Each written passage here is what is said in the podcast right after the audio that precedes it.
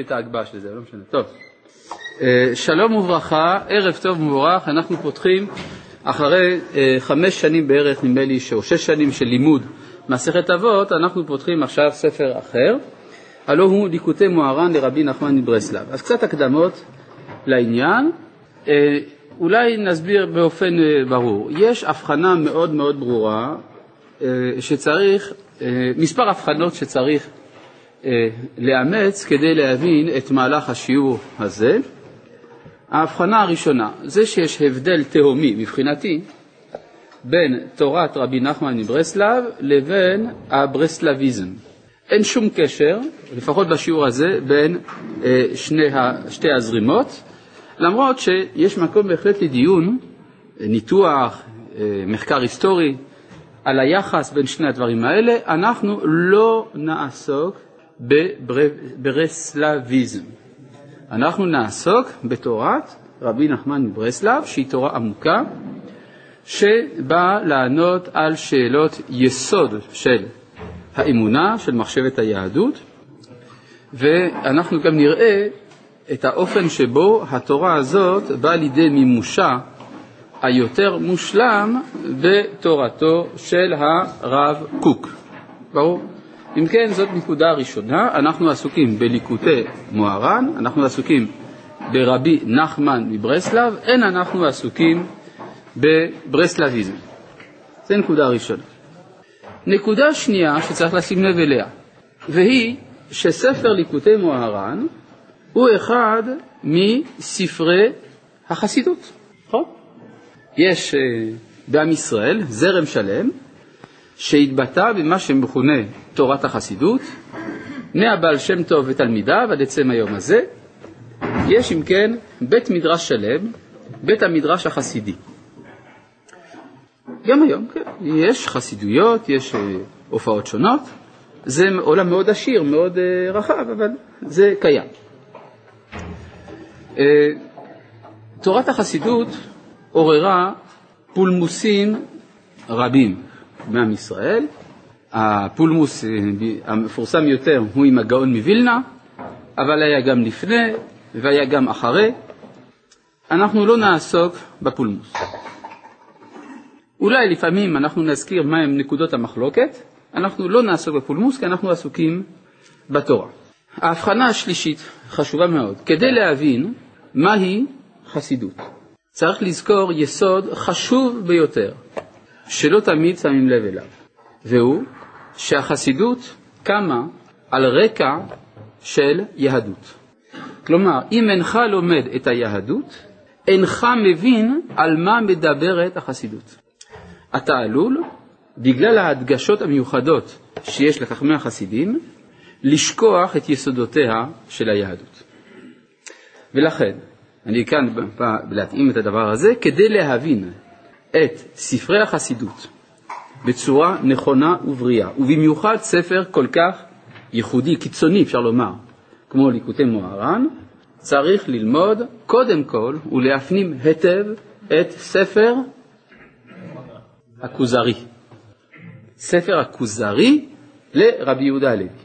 ספר הכוזרי מסביר מהי המסגרת הכוללת של אמונת ישראל, הלא היא התגלות הקדוש ברוך הוא דרך ההיסטוריה, ובמיוחד דרך הישות הפוליטית של עם ישראל.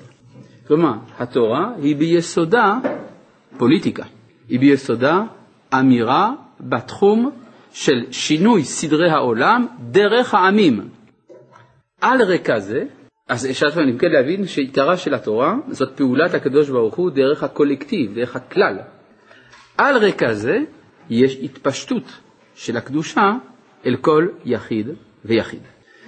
החסידות עוסקת במיוחד במה שנוגע ליחיד, אבל היא עוסקת ביחיד מתוך הכלל, ומי שיודע לקרוא נכון, יודע שמי שמדגיש את זה יותר מכולם זה דווקא רבי נחמן מברסלב, למרות הטרנד החזק מאוד של פרטיזם המקובל היום אצל הקוראים בשמו. בסדר? אז זו נקודה חשובה מאוד, היהדות היא הבסיס שמתוכו אפשר לגשת נכונה אל החסידות, חבל שיש אנשים שהגיעו רק עכשיו, כי ההקדמות שנאמרו עד עכשיו היו חשובות ביותר לשם הבנת השיעור, אבל לא נרד על אף אחד באופן אישי. עכשיו, אה, הייתי רוצה כאן להוסיף עוד אה, רקע מסוים, עוד אה, כמה נקודות רקע חשובות. אנחנו עוברים כן אל הנקודה הרביעית או החמישית כבר? הרביעית. אם כן, חסרות שלוש נקודות קודמות למי שלא שמע. אם כן, הנקודה הרביעית היא ש... אה, אה, ש... ש... רגע, רגע, רגע. כן, צריך להבין מבחינה היסטורית את התקופה שבה מופיע רבי נחמן. אני אומר את זה ככה, שלושה הם, בעצם ארבעה הם, שביקשו במאות האחרונות להגיע לארץ ישראל. אתה צריך להגיד מה זאת אומרת להגיע לארץ ישראל. אתה רוצה להגיע, תעלה על עגלה, על גמל, על אונייה, תגיע. כן? כלומר, אה, במשך הדורות גם היו רבים שהצליחו להגיע למרות הקשיים הגדולים, שודדי הים, שודדי דרכים, העניות, הרעב, המחלות, המלחמות, אבל בכל זאת, מדי פעם מישהו אמר, אני אישית הגעתי לארץ ישראל. גם יהודים, גם גויים, באו אל הארץ הזאת. אבל כשאני מדבר עכשיו על אלה שביקשו לעלות לארץ ישראל, הכוונה אלה שראו בזה מהלך בעל משמעות משיחית. מה פירוש משיחית? הכוונה משהו שמשתלב בכוונה שלנו לשנות את העולם. כן? מה זה השקפת עולם משיחית? זאת השקפת עולם שמאמינה שיש מספיק נתונים בעולם הזה, באנושות, בעם ישראל, יש מספיק נתונים שמאפשרים לשנות את העולם כדי להגיע לעולם טוב יותר. זה נקרא משיחיות. לפי, לפי ההגדרה הזאת, הקומוניזם למשל הוא השקפה משיחית. הקומוניזם סבור שיש מספיק נתונים בעולם הזה, בחברה האנושית, כדי להגיע לעולם יותר טוב. לעומת זה, למשל, הנצרות. הנצרות איננה משיחית, למרות שהיא מדברת כל הזמן על המילה משיח. מדוע? משום שהיא סבורה שאין בכוחו של האדם להביא לגאולה, וצריך בשביל זה התערבות מבחוץ. צריך שהאלוה בעצמו יבוא כדי לגאול את האדם, כי האדם נברא עם דפקט, הוא חוטא מלידה, לכן אין לו סיכוי. צריך שהגאולה תבוא מבחוץ. במובן הזה, אם כן, הנצרות איננה משיחית לפי ההגדרה שנתתי לפני כן. מובן? הקריסטיאניזם למשל, שזו המילה הלועזית בשביל נצרות, לפי מה שהסברתי עכשיו, ממי שהקשיב, איננו משיחי, נכון? הסוציאליזם כן, הוא משיחי, אבל לא כל איזם הוא משיחי, למשל, האנרכיזם למשל איננו משיחי. אנחנו, למשל, כן? האינדיבידואליזם איננו משיחי, כן? טוב, בואו ניכנס עכשיו לכל הדיון. אני, אני, אני, אני ממש מצטער שפתחנו את הדיון על זה. אני מבקש לעשות cut. כן, בבקשה.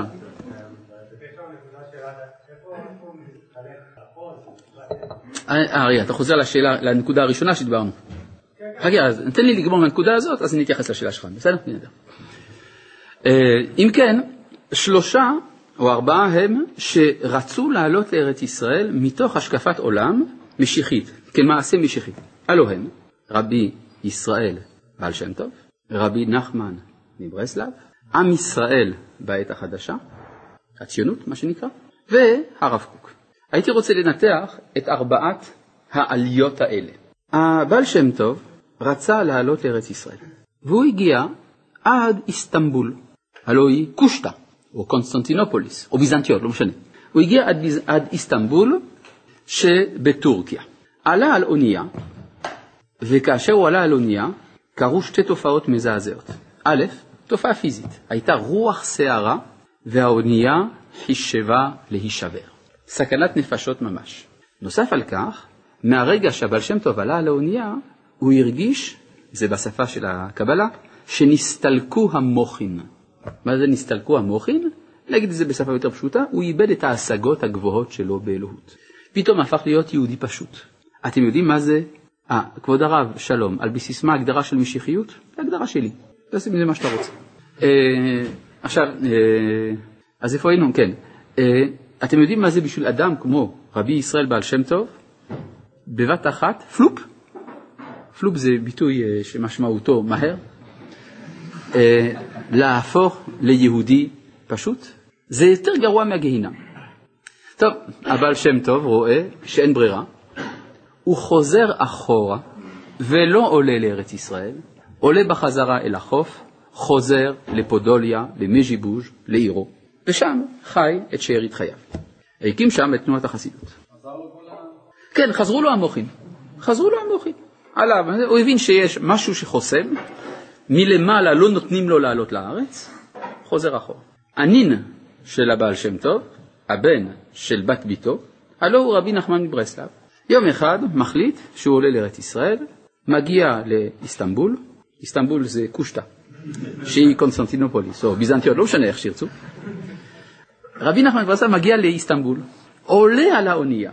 עכשיו, צריך להבין, מה קרה לרבי נחמן עוד על החוף, לפני שהוא עלה לאונייה?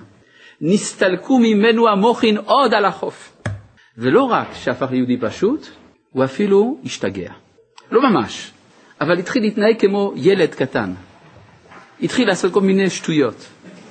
וכל מי שהיה רואה אותו חשב, הנה, הוא השתגע. והוא עלה על האונייה, ובאונייה היה קשה מאוד. ואף על פי כן, הוא לא ויתר, עלה לארץ ישראל. היה פה תקופה קצרה מאוד, בגליל, בתקופה שנפוליאון הגיע גם כן, כדי לכבוש את הארץ, ופה התנאים היו בלתי נסבלים, ואז רבי נחמן עזב את הארץ, אחרי ש... אבל לא אחרי שהוא אמר שכאן בארץ ישראל הוא זכה לתורה בסדר גודל שהוא לא השיג כמוה כל ימי חייו. ואז הוא חזר לפולין, לאוקראינה יותר נכון, ושם לימד עד שארית חייו, הקצרים דווקא, ונולדה חסידות ברסלב. המקרה השלישי, עם ישראל במאה ה-19 החליט להיות ציוני, כלומר להקים מדינה בארץ ישראל, לצורך זה איבד באופן יזום את המוחין שלו. החליט להיות חילוני. כן, כלומר, כדי לקצר את ההליכים, עוד לפני איסטנבול, עוד בחרקוב, כן, אז הבילויים, כן, החליטו להיות חילונים, יאללה, מבטלים את המוחין. עולים לארץ ישראל, מה קורה? לא קורה שום דבר. בונים קיבוצים, מייבשים ביצות וכולי, מקימים את ההסתדרות וכולי. מקרה רביעי, עולה הרב קוק לארץ ישראל, לא מאבד שום מוחין בדרך, פה הוא מקבל מוחין בריבוע ומלמד אותם את עם ישראל. איך? במכון מאיר. לוקח זמן, כן, יש הרב קוק האב, הרב קוק הבן והרוח של תלמידיו, שבסופו של דבר, מה? מרחפת על פני המים. יפה. המים של הבוספורוס. אם כן, אם כן, הרב קוק עולה ומעניק את המוחין לאומה החילונית, שאיבדה את מוחיה, את המוחין שלה, אה, מרצון. סליחה, אבל מה פירוש המוחין? שואל בוז'י ממז'י בוז'. נו באמת. נו באמת, מה זה הדאווינים האלה? טוב, בקיצור, מוחין הכוונה זה ביטוי שלקוח מתורת הקבלה, שאנחנו נתרגם אותו לצורך העניין, בלי להיכנס יותר מדי לעומק, השגות אלוהיות גבוהות. בסדר, כן, מה אתה רוצה? גם הטענות שיש, רבי נחמן היה אדם מאוד מאוד נמסר בנפשו, ואת כל הביתו הרוחנית הוא עשה על ידי סוג של טרנספרציה כזה של דיכאון מסוים, ועליה כאילו יכול בנה את האלכות שלו. למרות כל המשפטים, הוא היה בן אדם מאוד מאוד מיוסר, וכמו ש... לא אכפת לי. אתה שואל, האם זה נכון מה שטוענים המחקרים באוניברסיטה, שרב נחמן היה סוג של פסיכופת, כן? משהו כזה. לא פסיכופת. זה מה שהם אומרים, כן? אז אתה שואל האם זה נכון. דפרסיבי, אני יודע, מה? מניה דפרסיבי, אני יודע, כל מיני. אתה יודע מה? בכלל לא, לא נוגע בי. כי פשוט מאוד. יש, אה, זה בערך כמו נמלה שמנסה למדוד את הגובה של הצוק בכלים שלה. פשוט. טוב, בואו נמשיך. אה, בואו נחזור לעניין. אני עוד מעט אתייחס גם לנקודה הזאת דרך אה, הקדמה שישית. בינתיים אני בהקדמה החמישית. העניין של המויכין, כן, האלה שהולכים לאיבוד. צריך להבין, מדוע הבעל שם טוב לא מצליח לעלות לארץ. אולי נגיד מה ההבדל, נשאל בעצם מה ההבדל בין הרוחניות שיהודי יכול להגיע אליה בחוץ לארץ לבין הרוחניות שיהודי יכול להגיע אליה בארץ ישראל. זה דבר פשוט מאוד. הרוחניות שיהודי יכול להגיע אליה בחוץ לארץ היא קדושת הפרט. וזה בדיוק מה שתורת החסידות באה ללמד, שיש ערך, שיש קדושה בכל יהודי ויהודי. כל יהודי הוא קדוש. אפילו שהוא רחוק מתורה, ואפילו שהוא עשה מעשים רעים, ואפילו ש... ואפילו ש... היהודי הפשוט, הרואה שאומר א' ב' כי הוא לא יודע להתפלל, כל זה קדוש. מדובר על הקדושה של הפרט היהודי. כי בחוץ לארץ האומה איננה פועלת כקולקטיב, איננה פועלת כישות פוליטית. הבעל שם טוב יש לו שליחות היסטורית לגלות את הקדושה של הפרט, ולכן הוא לא יכול לעלות לארץ ישראל. השטן עומד לנגדו, אומר, יש לך תפקיד, אתה לא תעלה, וגם אתה לא תעלה. כלומר, אתה לא תעלה לארץ ישראל, כי לא נותנים לך. רבי נחמן מכין את העתיד. הוא יודע מה עומד לקרות לעם ישראל. הוא כבר בתקופה שבה האומה מתכוננת לקראת הגאולה, ורבי נחמן ידע במה זה כרוך. הוא ידע שזה כרוך באובדן מוחין רציני. מה? איך הוא ראה את זה? הוא כותב את זה. הוא כותב את זה בכמה מקומות, שהוא רואה שהשאלה המרכזית שהעולם עומד לקראתה היא שאלת האפיקורסות. כן, בזמן הבעל שם טוב לא היו הרבה אפיקורסים. גם לפני כן, בדורות לפני זה, תמיד היהודים היו יהודים טובים ותמימים, ולומר את האמת, גם הגויים. הגויים היו גויים תמימים, דתיים. בעת החדשה פתאום העולם כולו התחלף, והדת נדחקה אל הצד, אל הפינה, והחילונות הפכה להיות הנורמה ההתנהגותית של הציבורים האנושיים וגם של עם ישראל. רבי נחמן, שהיה אדם עם חוש אדיר לדברים האלה, הרגיש, הריח, זאת אומרת, זה עומד לקרות. אני חייב לענות לשאלות האלה. ולכן בעצם אפשר לומר אחד הדברים המרכזיים של תורת רב נחמן זה העיסוק בשאלת האמונה והאפיקורסות. הוא אחד המתמודדים הראשיים בשאלות האלה. האפיקורסות לא במובן של אין אלוהים או דברים כאלה כמו שהיה פעם, אלא באמת השאלות של הפוסט-מודרניזם, הכל כבר כתוב שם. דבר נוסף, החילונות הזאת, וזה כאן החידוש של הרב קוק, בא כדי לקבל תפיסה כלומר להכניס לתוך הנפש תפיסה אלוהית יותר גבוהה מהדתיות הקדומה. כלומר, בעצם האבחון גם של הרב קוק וגם של רבי נחמן מברסלב, זה שהדתיות כפי שהתרגלנו אליה במאות השנים האחרונות, אין בכוחה לספק את הצמאון של הנשמה. כי זאת רוחניות מדורדרת. איננה הרוחניות שהייתה בזמן ששרתה שכינה בימי בית ראשון או בית שני, אלא זאת רוחניות שמתאימה לזמני גלות, לאומה במצור. רבי נחמן מבין שזה הולך להישבר, הולך להיסדק. הוא עולה לארץ ישראל כדי להיפגש עם קדושת הכלל, עם תורת הכלל, ואותה הוא חוזר לחוץ לארץ ללמד. מדוע הוא חוזר לחוץ לארץ ללמד? כי זה עוד לא הזמן של האומה לעלות לארץ. כמה עשרות שנים יותר מאוחר, עם ישראל מאבד את המוחין באופן יזום כדי להקים מדינה, בא הרב קוק, הוא מעניק את המוחין. במובן הזה, אם כן, לפי הניתוח הזה, רב נחמן הוא חוליית הקשר בין תורת החסידות של הבעל שם טוב לבין תורת הרב קוק. אם רוצים להבין באמת מהי, ה, כלומר, הרלוונטיות של תורת רב נחמן בזמן הזה, אין ברירה אלא ללמוד את תורת הרב קוק. זאת התזה שאני מתכוון לפרוס במהלך הלימוד כאן. כלומר, אם אתה לוקח את תורת רב נחמן, שדיבר במסגרת שבה עדיין הכלל עוד לא נולד, כי הציונות עוד לא נולדה, והוא דיבר כל הזמן על הפרט, ואתה רוצה להביא את זה בתקופה שבה הכלל קם לתחייה, אתה לא תבין למה הוא התכוון. ברור? עד כאן ברור מה שאני אומר? טוב. כן, מה? אה? האם זה לא נראה למשל שהוא מדחיק את השאלות של האמונה? שהרי רבי נחמן אומר בכמה מקומות, איזו דוגמה מצוינת, שאסור ללמוד את דברי המחקרים, נכון? יש, איזה, יש מינוח מיוחד לרב נחמן, יש המחקרים. מה זה המחקרים? זה הפילוסופים, זה אפילו ספר הכוזרי. מה? מורה נבוכים אין מה לדבר, הוא אומר שכל מי שקרא את הספר מ"נ רואים את האפיקורסות במצחו. זה לא...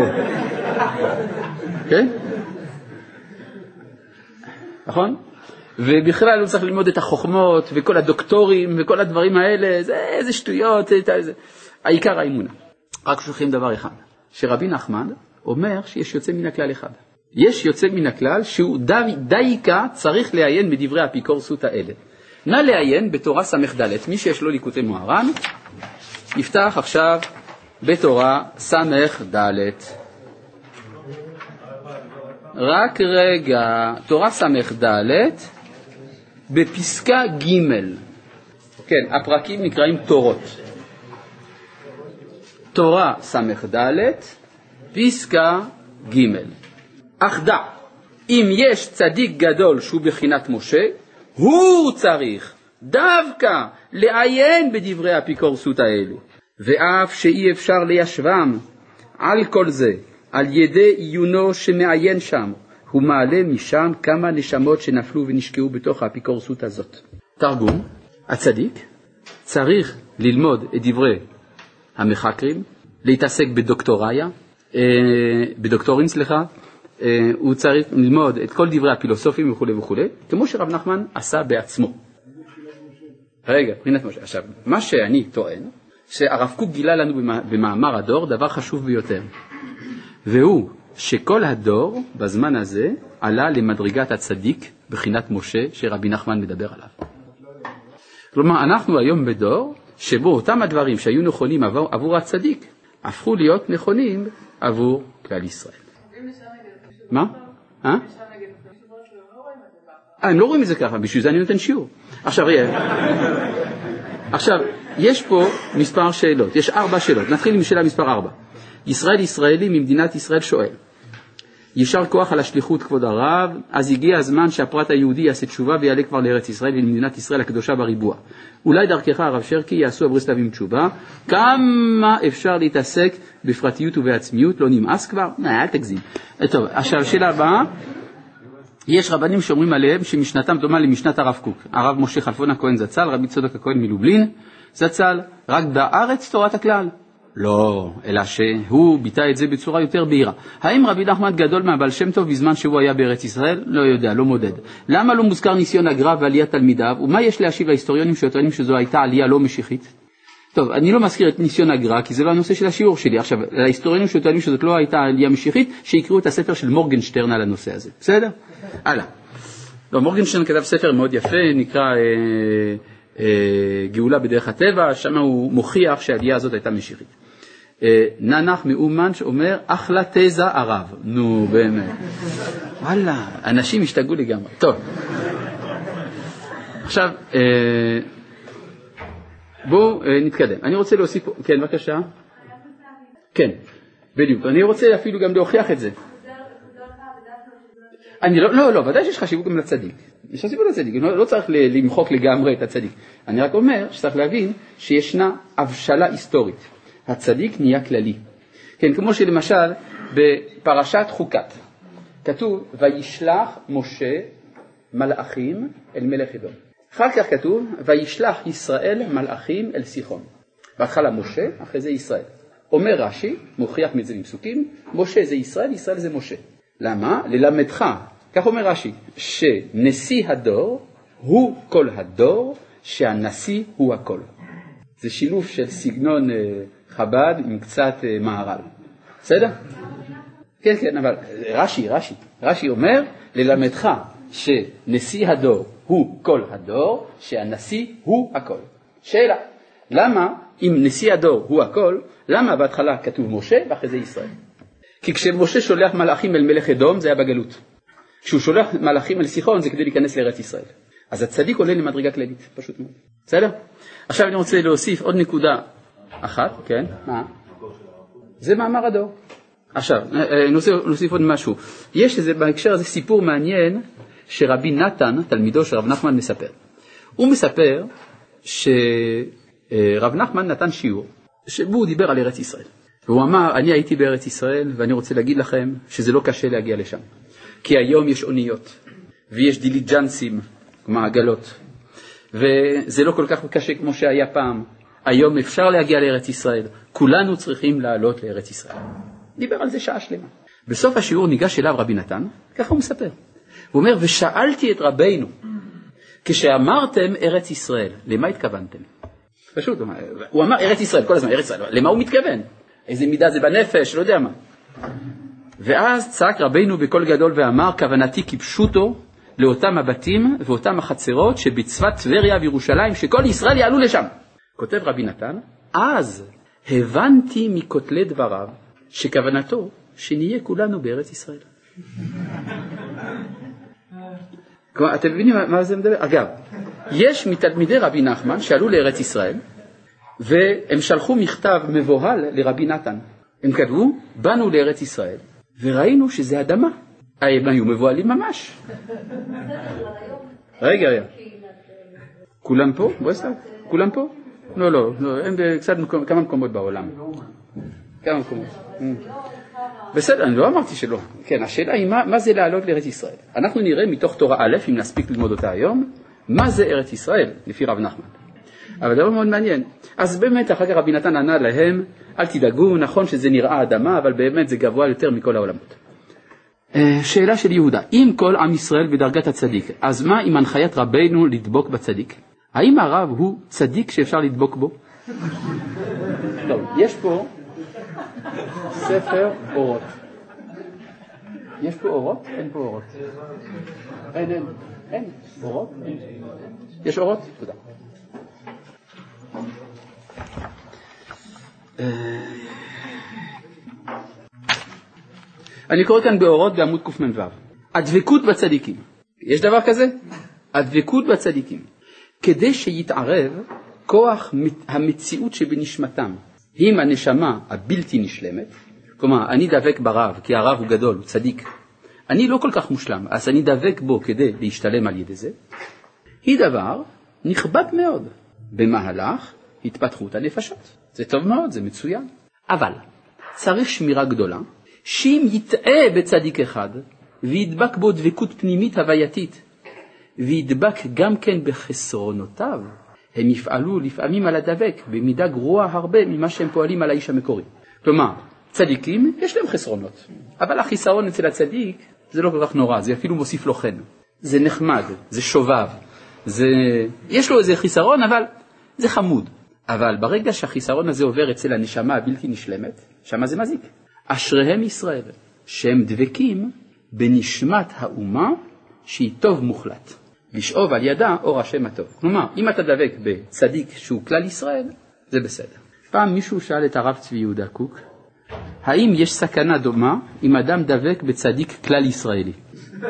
ענה הרב צבי יהודה, לא. אין סכנה. טוב, אה, עכשיו, האם הרב הוא צדיק, כלומר אתה מתכוון אליי, צדיק שאפשר לדבוק בו? לא נראה לי, לא כדאי לך. כן. כן. עכשיו אני רוצה להוסיף עוד משהו. חידוש ששמעתי מאחד מגדולי החסידות בזמננו, שאמר חידוש כזה. ידוע שיש בחסידות ספר הנקרא ספרן של בינונים. מכירים אותו? זה התניא. התניא, כן, ספר היסוד של חסידות חב"ד, נקרא ספרן של בינונים. ויש אה, ספר אחר שהוא ספרן של צדיקים, הלו הוא נועם אלימלך. של רבי אלימלך מליזנצק. איך אני יודע שהוא ספרן של צדיקים? כל הזמן זה מדבר על מדרגת הצדיק, הצדיק הוא כזה, הצדיק כזה, הוא צדיק כזה.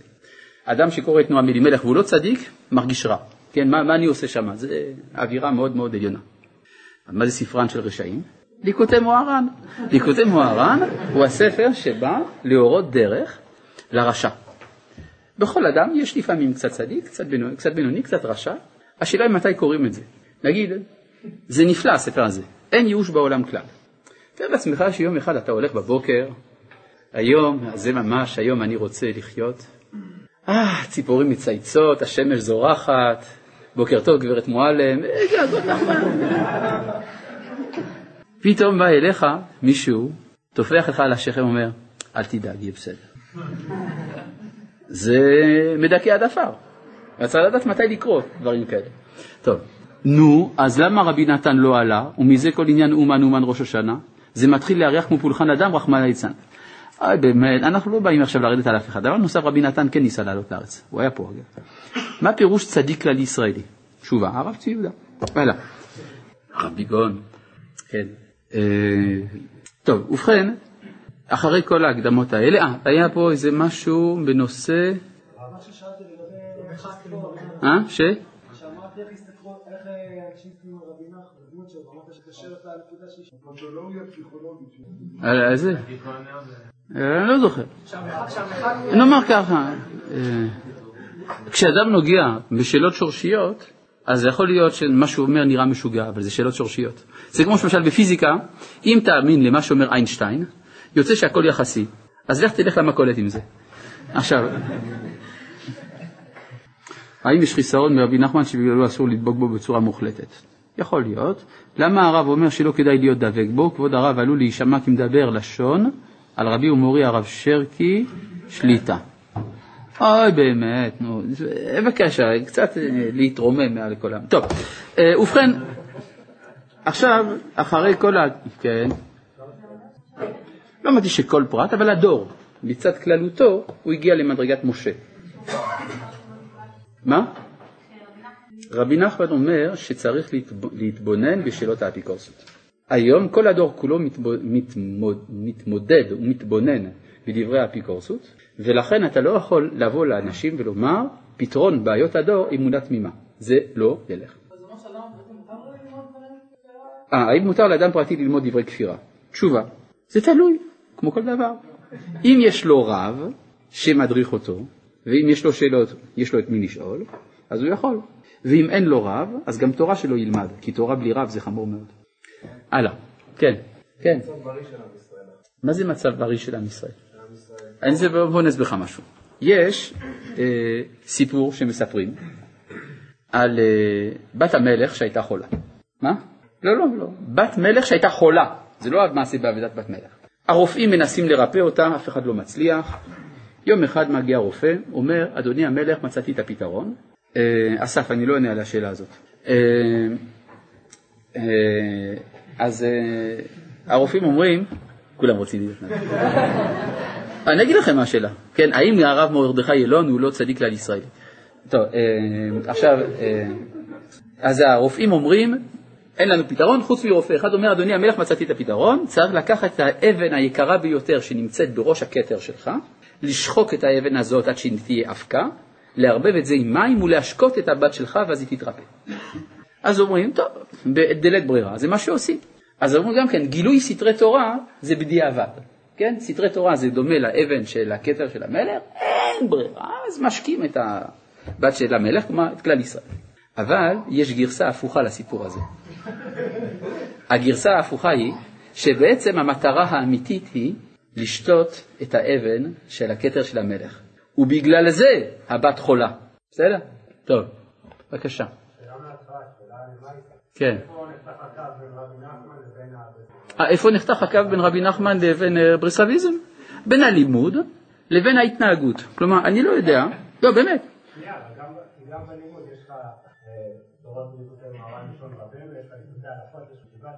טוב, בסדר, אני מציע הקדמה, במקום כל ההקדמות האלה, בוא נלמד תורה.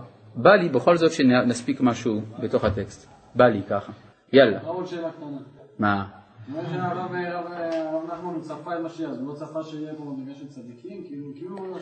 יאללה, יאללה, בעזרת אל עליון, אני קורא כאן בתוך הבפנוך. תורת אשרי תמימי דרך א' בעזרת אל עליון אשר שמיים וארץ קנה ונתן לנו את תורתו ממדבר מתנה, נתחיל להדפיס חידושים נפלאים ונוראים על מאמרי רבה בר בר חנה. בזכות זה נזכה לעלות לציון ברננה אל קריית מלך דוד חנה. אה, על מה מדובר? יש סדרה של אגדות, אה, אה השואל קורא לעצמו מוסא. איך הדור הגיע למדרגת משה? משה היה הנביא בה"א הידיעה, הקדוש ברוך הוא נגלה אליו באופן ישיר, כיום אין אפילו נבואה במדרגה נמוכה מזו. עיין במאמר אה, אה, חכם עדיף מנביא בזרעונים פרק ב' של הרב קוק. אם יש חיסרון, טוב, יאללה. אה, אז יש אה, במסכת בבא בתרא, בפרק מי שאחזו קורדייקוס, יש שם סדרה של אגדות משונות מאוד, כתובות בארמית גם כן קצת קשה, זה אגדות רבה ברבר חנה. רבה ברבר חנה מספר על הנסיעות שלו, הוא אומר אני נסעתי לאיזשהו מקום וראיתי אה, כזה דבר. והלכתי למקום כזה וראיתי כזה, כל מיני דברים משונים מאוד שרבה בר חנה ראה. אז יש הרבה פירושים שנכתבו על זה, יש כמובן פירוש הרשב"ם על הסוגיה שם, יש הפירוש של הגר"א, לאגדות רבא בר חנא, יש הפירוש של הרב קוק, מודפס במאמרי ראייה חלק ב', ויש הפירוש של רבי נחמן ברסלב, שמתחיל בתורה הראשונה. בסדר? אשרי תמימי דרך ההולכים בתורת השם. הרבה פעמים כשרבי נחמן מביא פסוק, זה כדי להסביר אותו בסוף. כלומר, הוא מביא את הפסוק בהתחלה, עכשיו הוא יסביר לך מיליון דברים שהם לא קשורים לפסוק. בסוף הפרק אתה תבין איך כל מה שהוא אמר הוא פירוש הפסוק. בסדר? זה הד- הדרך הדידקטית של העברת הנושא. דע, כי על ידי התורה נתקבלים, טוב, יש גם אה, סגנון מיוחד בעברית של שם,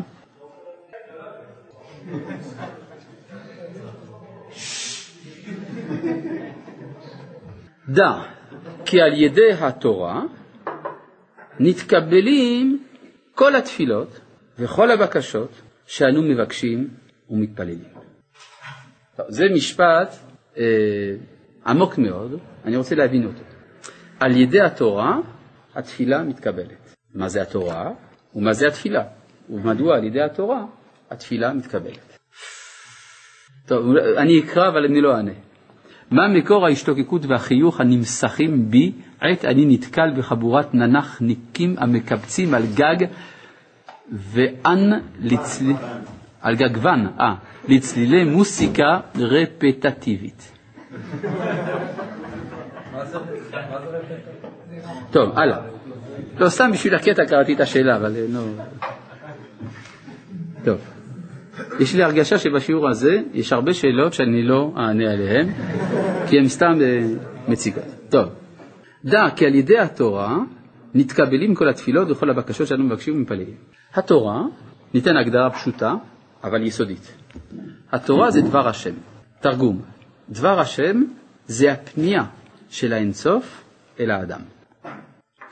זה הפנייה של האינסוף אל האדם. נגיד את זה אחרת, זה מהלך ממעלה למטה. זה התפילה. זה, זה התורה. כן? תורה אתה לא ממציא, תורה אתה מקבל. אז איך אפשר ללמוד תורה? על ידי שהאדם מפתח בנפשו את התכונה של הקבלה. לכן, איך פותחת מסכת אבות? משה קיבל. זו התכונה הנדרשת. מה עושה את משה למשה? זה שהוא מקבל. ובזה ההבדל התהומי שיש בין ההגדרה של החכם בפילוסופיה לבין ההגדרה, לא, אני לא אענה על זה אסף, לא, לא אליה. אה, אה, אם כן, בין ההגדרה של החכם בפילוסופיה לבין ההגדרה של החכם ביהדות. בפילוסופיה, הרב, החכם, זה מי שיש לו המון תלמידים. אם יש לו כל כך הרבה תלמידים, סימן שהוא מאוד חכם, הרי באים לשמוע אותו, כן? זה סוג של גאווה. מה? לשפינוזה יש מיליוני תלמידים, יש לו מיליארדי תלמידים לשפינוזה. אז אם כן, מי, איך אנחנו יודעים שהחכם הוא חכם גדול? יש לו הרבה תלמידים שלומדים את שיטתו וכו'. ביהדות זה בדיוק הפוך. החכם הוא גדול בגלל הרב שאצלו הוא למד. לכן הוא נקרא תלמיד חכם. הוא התלמיד של החכם. אומרים, תראה כמה הוא גדול, תראה ממי הוא למד. זה בדיוק הפוך. יש, היה רבם של הפילוסופים, שמו היה סוקרטס.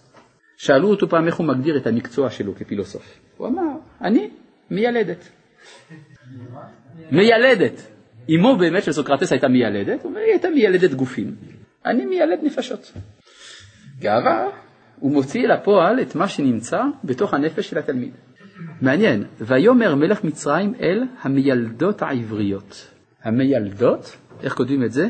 ה', מ', י', ל', ד', ת', בלי ו'. אותיות התלמיד. התלמיד הוא המיילדת. את מה הוא מיילד? את הרב שלו. כי הוא שואל שאלות, ואז עובר דרך הרב מה שרבו של הרב לימדו. זאת אומרת, התנאי כדי לתת את התורה, זה צריך להיות, מסוגל להיות, מקבל התורה. אם כן, התכונה הנדרשת ממי שמקבל תורה זה הענווה. אם אין לו ענווה, אין לו מה לתת, כי זה לא שלו. ולכן משה קיבל תורה. ממי הוא קיבל תורה? לא כתוב מהקדוש ברוך הוא, מסיני. אומר המהר"ל, כי אי אפשר לקבל תורה מהקדוש ברוך הוא, מי, אתה והקדוש ברוך הוא, אתה יכול למדוד בכלל? אבל הוא יכול לקבל את התורה כי הוא היה בסיני. ממדרגת סיני של משה, שזה מדרגת הענווה, מכוח זה הוא מקבל. לכן התורה ניתנה בסיני ולא באברסט. אם הקדוש ברוך הוא היה אומר, אני מבקש לתת לכם את התורה בהימאליה. מה זה היה אומר? שהתורה זה משהו שקשה מאוד להשיג. יש כמה אלפיניסטים שיודעים לעלות, סנפלינג וזה, הם יודעים אה, איכשהו הם מגיעים, אבל זה יחידי סגולה. אבל נאמר לקבל את התורה בסיני, בהר הנמוך. כלומר, צריך להיות מקבל. במילים אחרות, כשאני אומר תורה, רגע, הרב, מחויבותו לענות תשובות לשאלות שאינן קשורות מבית ומחוץ, עם מעל ומעבר. זה עוצר את מהלך השיעור. אולי בסוף השיעור יענה הרב לכל, תודה ומחילה. נשאלת השאלה, האם השאלה שלך איננה מסוג השאלות האלה גם? או שמא תאמר ששאלה הזאת הייתה מחויבת על מנת שנוכל להתקדם. טוב, אני משתדל, אתה יודע. טוב, אה, אז אם כן, התורה היא תנועה שבה האדם הופך להיות מקבל. אומר המהר"ל, משה קיבל. מה זאת אומרת משה קיבל? זה הגדרה של משה. מהו משה? קיבל. בסדר? משה זה אחד שמקבל. עכשיו, מה זה התפילה? התפילה זה לכאורה מהלך בדיוק הפוך. אני פונה ממטה למעלה. לכאורה, עצם זה שאני בא להגיד לקדוש ברוך הוא מה לעשות, זה בדיוק עמדה נפשית הפוכה. זה קצת גאווה. אני אומר לקדוש ברוך הוא, אתה יודע, העולם שלך זה לא רע, באמת מוצא חן בעיניי, אבל יש איזו נקודה אחת שנראה לי שאתה צריך שמה קצת לשנות. זה שיוסי בן שפרינצה חולה, זה לא נראה לי, ולכן באתי להעיר את תשומת לבך לזה שצריך לרפא אותו. אז כבוד הרב, מתי כן תענה לי עבור השאלה ש... אוי, באמת.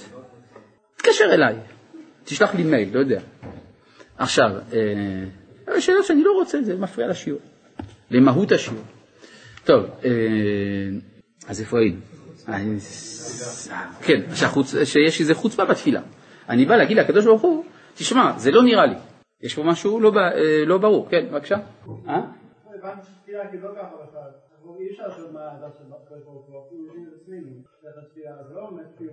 אבל השאלה, מה התוכן של התפילה? התפילה היא בקשה, נכון? אני בא להגיד לקדוש ברוך הוא, ריבונו של עולם, זה ששפרינצה בסגית חולה, זה, נראה, זה לא נראה לי, ולכן אני רוצה שתשנה. יש בעיה בזה, נכון? בהתחלה של התפילה יש את ה... שאנחנו לא באים בזכות עצמנו, אנחנו באים בזכות האבות. אה, לא משנה, אתה בא בזכות האבות, והאבות הם לא בני אדם? אבל האבות, מי הם לפני הקדוש ברוך הוא? בזכות האבות, כל הכבוד, אבל האבות הם בני אדם? אז גם לבוא בזכותם זה לא בסדר. לא משנה. כשאברהם מתפלל, מי נתן לו רשות להתפלל? זאת שאלה, כן? עכשיו, יש וכאן רבי נחמן אומר במשהו עמוק מאוד, על ידי התורה נתקבלים כל התפילות וכל הבקשות. כלומר, אם אתה בעמדה נפשית של תורה, אז התפילה שלך היא תפילה אמיתית, ואני אסביר למה הכוונה. בזמן התנ"ך, היחידים שהתפללו היו הנביאים, מסיבה פשוטה, רק הנביאים ידעו מה השם רוצה. כי רק מי שהשם דיבר עמו, יכול לדבר עם השם. יוצא לפי זה שהתפילה במקור איננה פנייה של האדם אל הבורא, אלא התפילה היא תגובה של האדם לפנייה של הבורא אליו. כלומר, הקדוש ברוך הוא דיבר עם הנביא, והנביא עונה. מה יש לו לענות? יש לו בקשות, יש לו תפילות וכו'. אם סיני משל לענווה, למה לא ניתנה בבקעה או בעמק? טוב, עיין בדרך חיים למהר"ל, שואל את השאלה הזאת. כלומר, ההפריה ההדדית בין התלמידים לבין הרב היא האינדיקציה לעומת הפן הכמותי בלבד שמונגש בדעתם של הפילוסופים איכות מול כמות, האם זה עם עומק העניין? לא, ודאי שלא. ההבדל בין הפילוסופיה לבין התורה זה שבפילוסופיה המקור של החוכמה זה ברב, ואילו בתורה המקור של החוכמה מחוץ לרב, זה עובר דרכו, ולכן צריך התלמיד כדי לילד אותו. זה לא קשור לשאלה אם יש הפריה הדדית או לא. עכשיו, אה, בואו נחזור כאן לעניין. הנביאים היו מתפללים כי התפילה היא המשך הנבואה. המקום הראשון בתנ"ך שבו מוזכרת הנבואה, המילה נביא בכלל, זה אותו המקום בתנ"ך שבו מוזכר לראשונה תפילה. ועתה השב אשת האיש כי נביא הוא ויתפלל. כיוון שהוא נביא, הוא גם יתפלל. בעדך וחיה. כלומר, תפילתו תתקבל. גם בשולחן ערוך אגב זה כתוב שמי שלא נביא לא יכול להתפלל.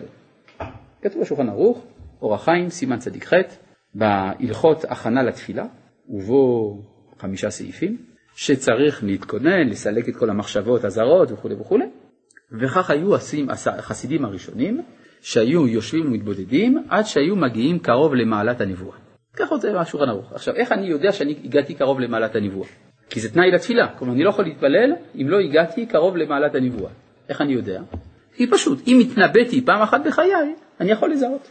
כלומר, אם פעם אחת הקדוש ברוך הוא דיבר עימי, אז עכשיו כשאני, אני יכול לשחזר מצבי נפש המתקרבים לזה. מסקנה, הלכה בשולחן ערוך, מי שלא נביא שלא יתפלל. ככה הוא כותב, שזה הלכות ההכנה. אגב, זה גם לקוח מהמשנה במסכת ברכות. שם במשנה במסכת ברכות כתוב, אין עומדים להתפלל, אלא מתוך כובד ראש. חסידים הראשונים היו שוהים שעה אחת. מתפללים כדי שיכוונו ליבם למקום. כלומר, זה ההדגמה של ההלכה. וההלכה היא אין עומדים להתפלל. אז לפי זה, אנחנו, שאנחנו לא נביאים, אז איך אנחנו מתפללים? תשובה, כי אנחנו מתפללים בנוסח של הנביאים. הנביאים עשו, האחרונים, כשהם ראו שהנבואה עומדת להיפסק מן העולם ועשוי להיות מצב שבו התפילה תהיה בלתי אפשרית, עשו לנו טובה גדולה וחיברו את נוסח התפילה שבו הם הכניסו באופן תמציתי את כל עולמם הרוחני. ולכן כאשר אני מתפלל בנוסח של הנביאים, משהו מעולמם הפנימי דבק בי, משהו מתלכלח, זה תרגיל על יבש חצי רטוב של נבואה. כלומר, כשאני מתפלל אני בעצם מתנבא שלוש פעמים ביום. לא ממש מתנבא, אבל משהו כזה. כשאני מתבודד, אה, כשאני מתבודד או מתבודדת, אה, התשובה היא, ש... התשובה היא שכשאני מתבודד, זה אני מתבודד לפני מי שמתפללים לפניו בבית הכנסת בנוסח הנביאים. כלומר, רבי נחמן באשר כשהיה יוצא אל היער כדי להתבודד, רבי נחמן התפלל שחרית בבית הכנסת, או ערבית, תלוי. כלומר, מי שהוא פגש אותו בתפילה, עכשיו הוא מתבודד לפניו. אבל אם לא הייתה התפילה של הנביאים, אז ההתבודדות הייתה סוג של מיסטיקה, וזה היה מחוץ ליהדות, לכן זה מה שאמרתי לפני כן, כאחת ההקדמות, שהחסידות היא על רקע היהדות. בסדר? היכן זה בתורה, הנבואה והתפילה שציטט הרב, בספר בראשית פרשת וירא, פרק כ"א. איך זה, או כ', איך זה מסתדר עם דברי הרב שרק הנביאים פעלו בזמן התנ"ך? מסתדר יפה מאוד. אז אם זה כך שמי שקנה תורה כראוי תפילתו היא תפילה, אז כבוד הרב יכול להתפלל עליי, בבקשה נתפלל עליך שתצליח. עכשיו, אה, עכשיו, יוצא לפי זה שאם יש לי חיבור לתורה, אז התפילה נענית. עכשיו אפשר להבין בעצם מה שרבי נחמן אמר במשפט אחד קצר, כי רבי נחמן היה גאון, אנחנו זקוקים לחצי שעה כדי להבין אותו. דע כי על ידי התורה נתקבלים כל התפילות וכל הבקשות שאנו מבקשים ומפללים. אתה לא מחובר לתורה, התפילה שלך לא תתקבל. פשוט מאוד, כי אין לך צינור. התורה היא השריד האחרון של נבואה שעדיין נשאר בתוכנו.